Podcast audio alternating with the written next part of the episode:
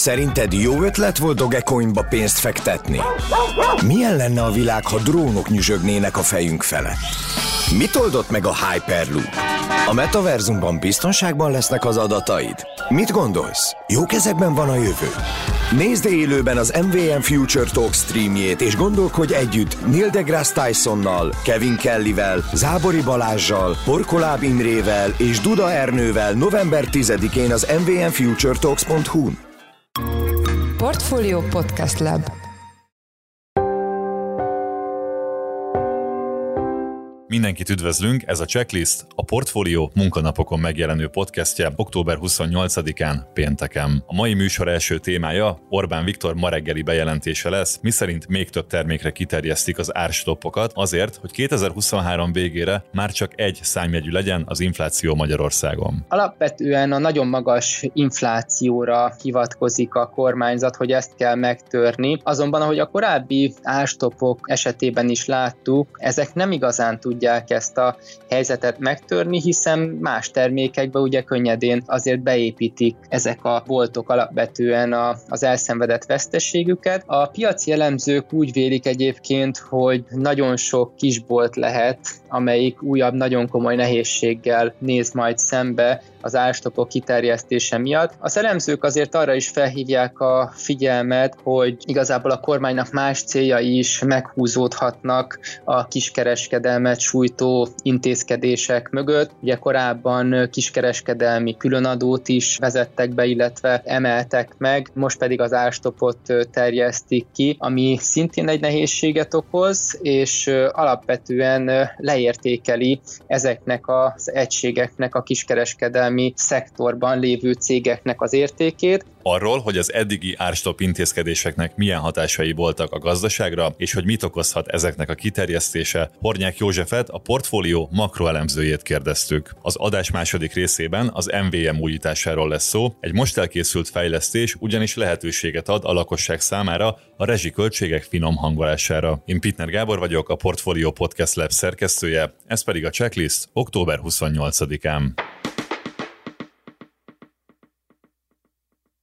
Orbán Viktor péntek reggel a Kossuth Rádióban jelentette be, hogy a kormány az infláció letörésének céljából további termékekre terjeszti ki az árstoppokat. Az intézkedés potenciális hatásaival kapcsolatban itt van velünk Hornyák József, a portfólió makroelemzője. Szia, üdvözöllek a műsorban. Szia Gábor, üdvözlöm a kedves hallgatókat. Először kérlek idéz fel nekünk, hogy jelenleg milyen árstoppok vannak érvényben, és ezek milyen hatást gyakorolnak a gazdaságra az eddigi tapasztalatok alapján. Gyakorlatilag az élelmiszerek tekintetében van egy árstop, kristálycukorra, a finom lisztre, az étolajra, a sertéscombra, a csirkemere, csirkefarhátra, illetve a 2.8-as UHT tejre. Ezek a termékek azok, amiknek az árát a tavaly októberi szinten fixálta a kormány, illetve részleges ástop van az üzemanyagárakra, és részleges szintén a rezsi tekintetében. Ugye az élelmiszer árstopok esete az azért érdekes, mert sok más terméket is árulnak a boltok ezeken kívül, tehát megvan a lehetőségük arra, hogy más termékeknek az árába betegyék az ástopposokon elszenvedett veszteséget, és nagyon úgy tűnik, hogy egyébként ezzel a lehetőséggel éltek is a kiskereskedelemben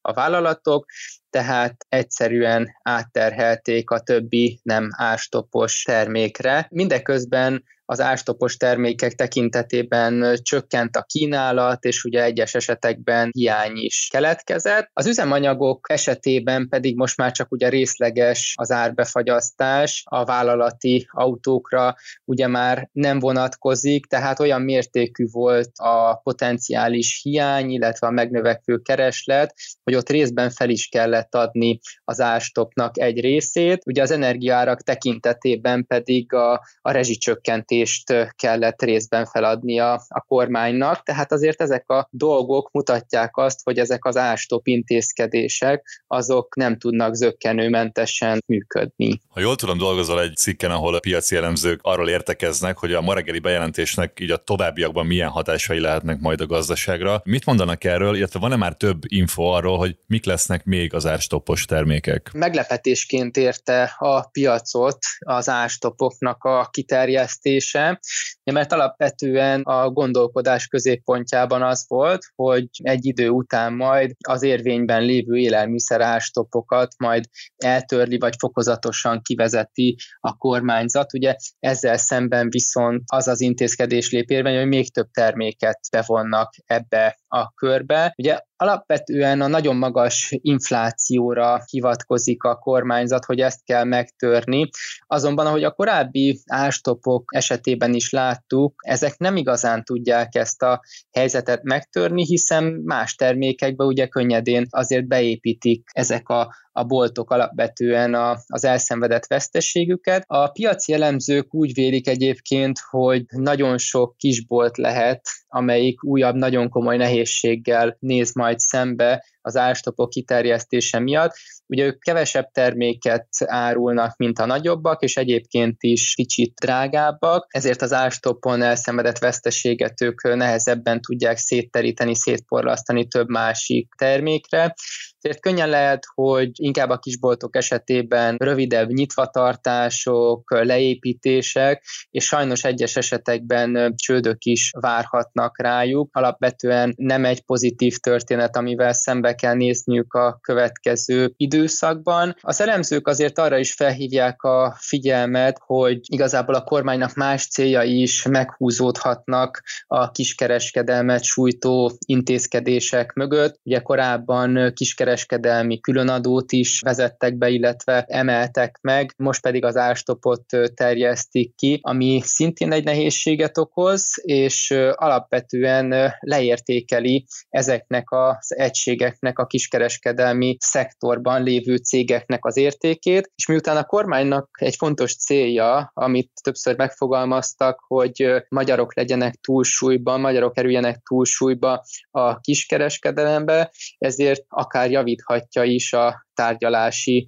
pozíciót a magyar vevők esetében az, hogyha több nehézséggel néznek szembe ezek a cégek. Surányi György is arról beszélt a Portfolio Checklist szombati különkiadásában, hogy az árstopokat ki kell vezetni, mert ezek növelhetik az inflációt, rontják az inflációs kilátásokat. Neked erről mi a véleményed, és mi az összefüggés a két dolog között? Igen, azt gondolom, hogy minden ilyen intézkedés, ami nem igazán piackonform, és amit a kormány bevezetett, az általában a forintnak a gyengülésével jár együtt. Ezt láttuk egyébként ma reggel is már, amikor kiderült, hogy újabb árstoppok lépnek majd érvénybe, és nem feltétlenül piackonform intézkedésekkel fogják az inflációt csökkenteni. A lengyel zloty például stabil maradt, miközben a forint gyengült. Ugyan nem esett sokat, de ez a fél százalékos gyengülés is az importált termékek árán keresztül ugye megjelenhet, tehát az egyik tényezője, ami miatt az ástopot nem biztos, hogy érdemes folytatni, illetve kiterjeszteni. Másrészt pedig ugye, amiről korábban beszéltünk, hogy más termékek árába beépítik ezeket a, a veszteségeket,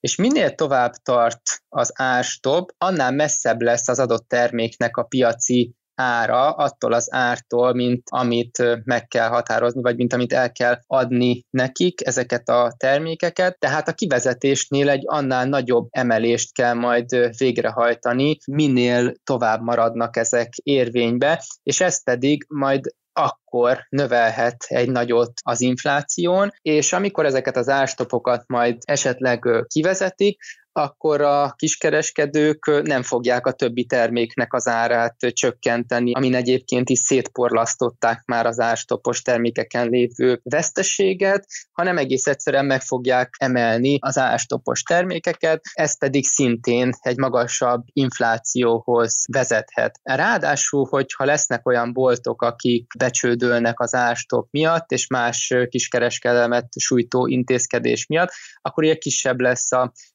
verseny a szektorban, és hát a kisebb verseny az alapvetően még nagyobb inflációhoz vezet. Hogyha például az egyik kisebb településen kettő bolt volt eddig, akik versenyeztek egymással, ha közülük az egyik csődbe megy, akkor gyakorlatilag a, a, a verseny is kisebb lesz, és az ár meghatározó képessége erősebb lesz annak, aki, aki túléli ezt a nehéz időszakot, tehát ebből a szempontból is ez inflációs hatású lehet hosszú távon, piacon. Összességében a rövid távú vélt haszonnál meglehetősen nagyobbak a kockázatai az ástop bevezetésének, illetve kiterjesztésének. A múlt héten Orbán Viktor arra kérte a jegybank elnökét Matolcsi Györgyöt, hogy jövő év végére legyen egy számjegyű az infláció. Ez mennyire reális pálya, és mi a kritikája annak, hogy a miniszterelnök kéréseket fogalmaz meg a jegybank felé? A legtöbb elemzőnek az alapvárakozása az az, hogyha nem történik semmi szokatlan, vagy nem történik semmi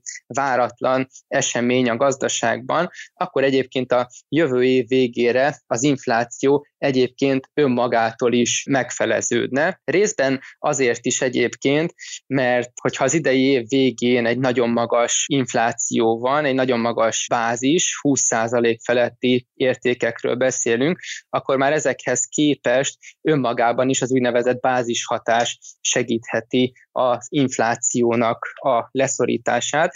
Másrészt egyébként ugye egy kedvezőtlenebb, egy gyengébb gazdasági helyzethez közelítünk, sőt egyébként már benne is vagyunk. Az élelmiszer kiskereskedelem például a legfrissebb adatok alapján már csökkenést is mutat, és egyébként a recessziós környezet, a lassabb gazdaság az önmagában is elvezethet akár egy alacsonyabb inflációs pályához. Az, hogy a kormányzat is elkezdett ilyen szinten foglalkozni ezzel a problémával, az azért azt sugalja, hogy nagyon komolynak, nagyon súlyosnak látják ezt a helyzetet, és egyébként, amikor Orbán Viktor miniszterelnök beszélt arról, hogy meg kell felezni az inflációt még korábban, akkor egyébként pár órával később a Magyar Nemzeti Bank emelt is egy nagyot egyébként a kamaton, igyekezve a forint árfolyamát stabilizálni, hiszen a gyengülő forint is egy olyan tényező, ami még magasabb és magasabb inflációhoz tud vezetni az importált termékeken keresztül. Tehát gyakorlatilag a gazdaság minden szegmensére igyekszik figyelni most már a Magyar Nemzeti Bank is, és a kormány is, hogy az infláción úrrá legyen. Azonban az elemzőknek a, a legfontosabb kritikája az szokott lenni ezzel kapcsolatban, hogy igazából ezeket az intézkedéseket piackonform módon kellene meghozni. Itt érdemes megjegyezni, hogy például a Magyar Nemzeti Bank sem az alapkamaton emel, hanem bevezet egy olyan eszközt, egy olyan intézkedést átmeneti időre, amivel igyekszik stabilizálni a piacot, igyekszik erősíteni a forintot. Ezek az úgynevezett nem feltétlenül piackonform vagy unortodoxabb intézkedések, amibe beletartoznak ezek az árstop intézkedések is egyébként. Azok azért kockázatosak, mert igazából nehezen tudja értékelni a piac, hogy ezek most valójában megfogják-e az inflációt, visszafordítják-e az inflációt, milyen hatásuk lesz, a jegybank meddig szeretné és akarja fenntartani ezt a monetáris politikát, ami egy, egy szigorúbb monetáris politika, esetleg amikor az infláció már picit lejjebb kerül, akkor azonnal és nagy mértékben lazítana ezen. Ez is egy bizonytalansági tényező, illetve az árstopok tekintetében ugye minél tovább maradnak fenn, és az inflációs kosár minél szélesebb rétegét fedik le, akkor hiába csökken le az infláció akár a felére a mostaninak, hogyha ezeket az árstopokat el kell majd engedni, már pedig minden bizonyal egyszer majd el kell engedni, akkor az újabb inflációs kört hozhat el a magyar gazdaságban. Az elmúlt percekben Hornyák József, a portfólió makroelemzője volt a vendégünk. Köszönjük, hogy itt voltál velünk a műsorban. Köszönöm szépen. Közel három hónapja változhatott a kormány az addigi rezsi csökkentésem, de az új rendszerben az energiaszámlák, főleg a gázszámla értelmezése még többeknek nehézséget okozhat, főleg a fogyasztási jelleggörbe esetén. Az MVM egy újítással állt elő, ami segíthet ebben. A témával kapcsolatban itt van velünk telefonon Csiki Gergely, a portfólió lapigazgatója. Szia Gergő, üdvözöllek a műsorban! Szia, üdvözlöm a hallgatókat! Mik azok a tényezők, adatok, amiket figyelembe kell venni annak, aki szeretné részleteiben érteni, hogy áll össze a gázszámlája? Talán onnan kéne kezdenünk, hogy nem mindegy, hogy milyen elszámolásban van a szolgáltatójával az adott ügyfél. Jellemzően ugye a havi diktálósokról szoktam írni, ott van több ilyen tudnivaló, amivel képben kell lennie az ügyfélnek, és vannak ugye az általányosok. A havi diktálósok esetében több tényezőtől függ a, a gázszámla összege.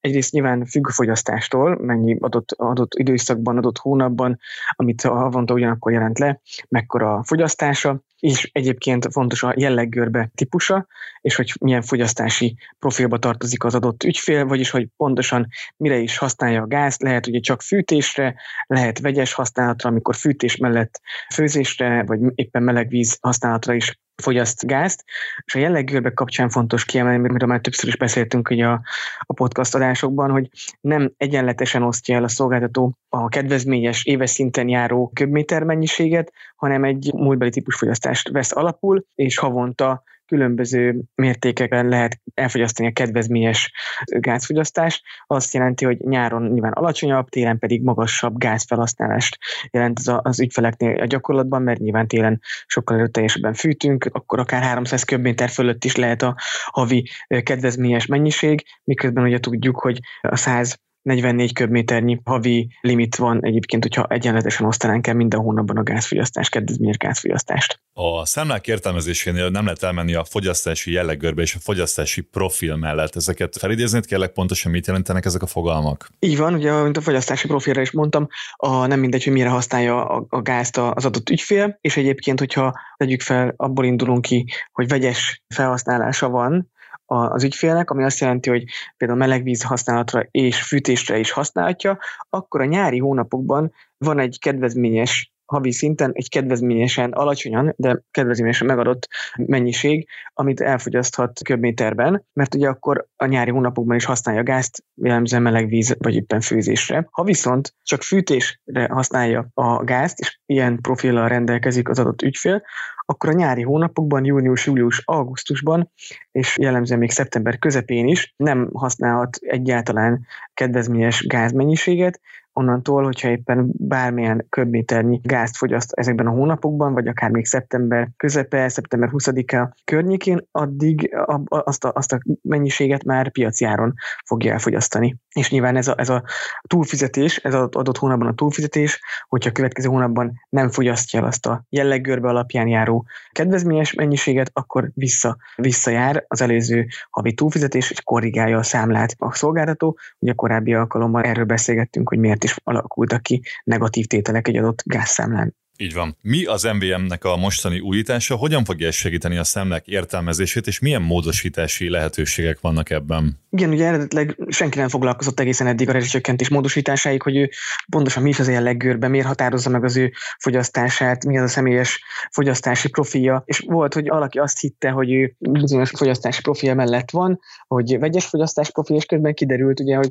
hogy ő csak fűtésre használhatja, és akkor jellemzően meglepődött egy nyár nyári piaci áru gázszámlán, és pont emiatt óriási volt az igény a hozzánk érkezett jelzések alapján, hogy ezt a, ezt a fogyasztási profilt és a saját jellegébe képbe kerüljenek egyáltalán, és ezért az ügyfélszolgálatok leterheltsége jelentős volt.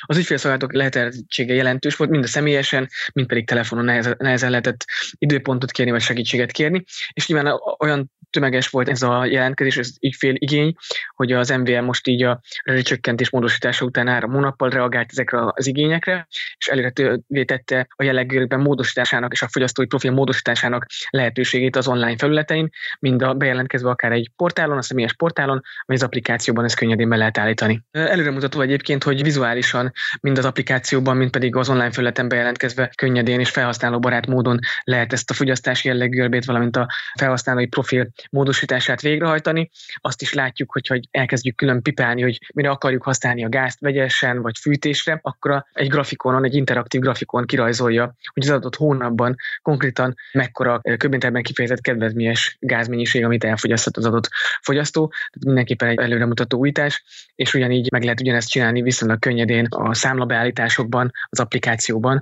Igaz, ahhoz frissíteni kell egy, egy friss alkalmazásra, az MVM alkalmazást le kell frissíteni, ugyanis néhány napja jött ki csak a frissítés erre az alkalmazásra, ami tartalmaz ezt az új funkciót. Ugye arra a rendszer nem ad választ, hogy érdemes a fogyasztónak változtatni a saját profilján. Milyen esetekben érdemes ezt megtenni, és akkor milyennek a folyamata? Így van, ugye az a, az a lényeges, hogy az éves mennyiség, ez az 1729 köbméter, vagy megazsúban kifejezve ez a 63 ezer körüli megazsúl, ugye a fűtőértéktől függően, ez jár mindenképpen a fogyasztónak. Ahogy említettem, lehet, hogy a, ha csak fűtés profilra van állítva, és emiatt pont a nyári hónapokban túlfizet, akkor a következő hónapokban a korrekciók nyomán kevesebbet fog fizetni, és éves szinten az a lényeg, hogyha például az 1729 köbméteres éves kedvezményes gázmennyiség alatt van, akkor éves eloszlásban ő nem járhat rosszabbul, mint mások, csak azért, mert mondjuk az egyik hónapban a rosszul beállított fűtési profil miatt többet, többet kellett fizetnie. Ha valaki össze akarja egyeztetni, és össze szeretné egyeztetni azt, hogy a, a valós profilja egyezem meg a, a fogyasztási tényleges, vagy az administratív oldalon beállított profiával, annak, annak fontos, hogy ezt korrigálja ezen a online felületen vagy az applikációban, de egyébként, hogy a gyakorlati oldalon ez akkor lehet fontos, hogyha valaki tudja, hogy téli hónapokban, nem tudom, szeret nagyon melegben lenni a lakásban, bár ebben az időszakban, amikor gázválság fenyeget, érdemes spórolni ezzel, az egész ország megtakarítási szándékát nézik, ez pozitív lehetne, de hogyha mondjuk a, tudja, hogy téli hónapokban a nagyobb hidegben melegebb lakásban szeretne élni, vagy lakni, akkor a fűtési profil beállítása esetén ugye a téli hónapokban magasabb havi gázmennyiség, kedvezményes gázmennyiséget fogyaszthat el, és ebben az időszakban alacsonyabb lesz ennek köszönhetően a, számlája, hogyha cserébe viszont nyilván a nyári hónapokban kell magasabb számlőösszegre felkészülnie. Talán lehet egy ilyen gyakorlati oldala erről az oldalról. Egyébként az MVM azt javasolja, vagy azt írja, hogy nem feltétlen érdemes váltani, mindenkinek saját magának kell kiszámolnia, hogy melyik a, melyik a saját fogyasztásának melyik a legoptimálisabb felhasználói jelleggörbe és a felhasználói profil. Köszönjük, Gergő. Az elmúlt percekben Csiki Gergely, a portfólió lapigazgatója volt a vendégünk. Köszönjük, hogy itt voltál velünk a műsorban. Köszönöm szépen.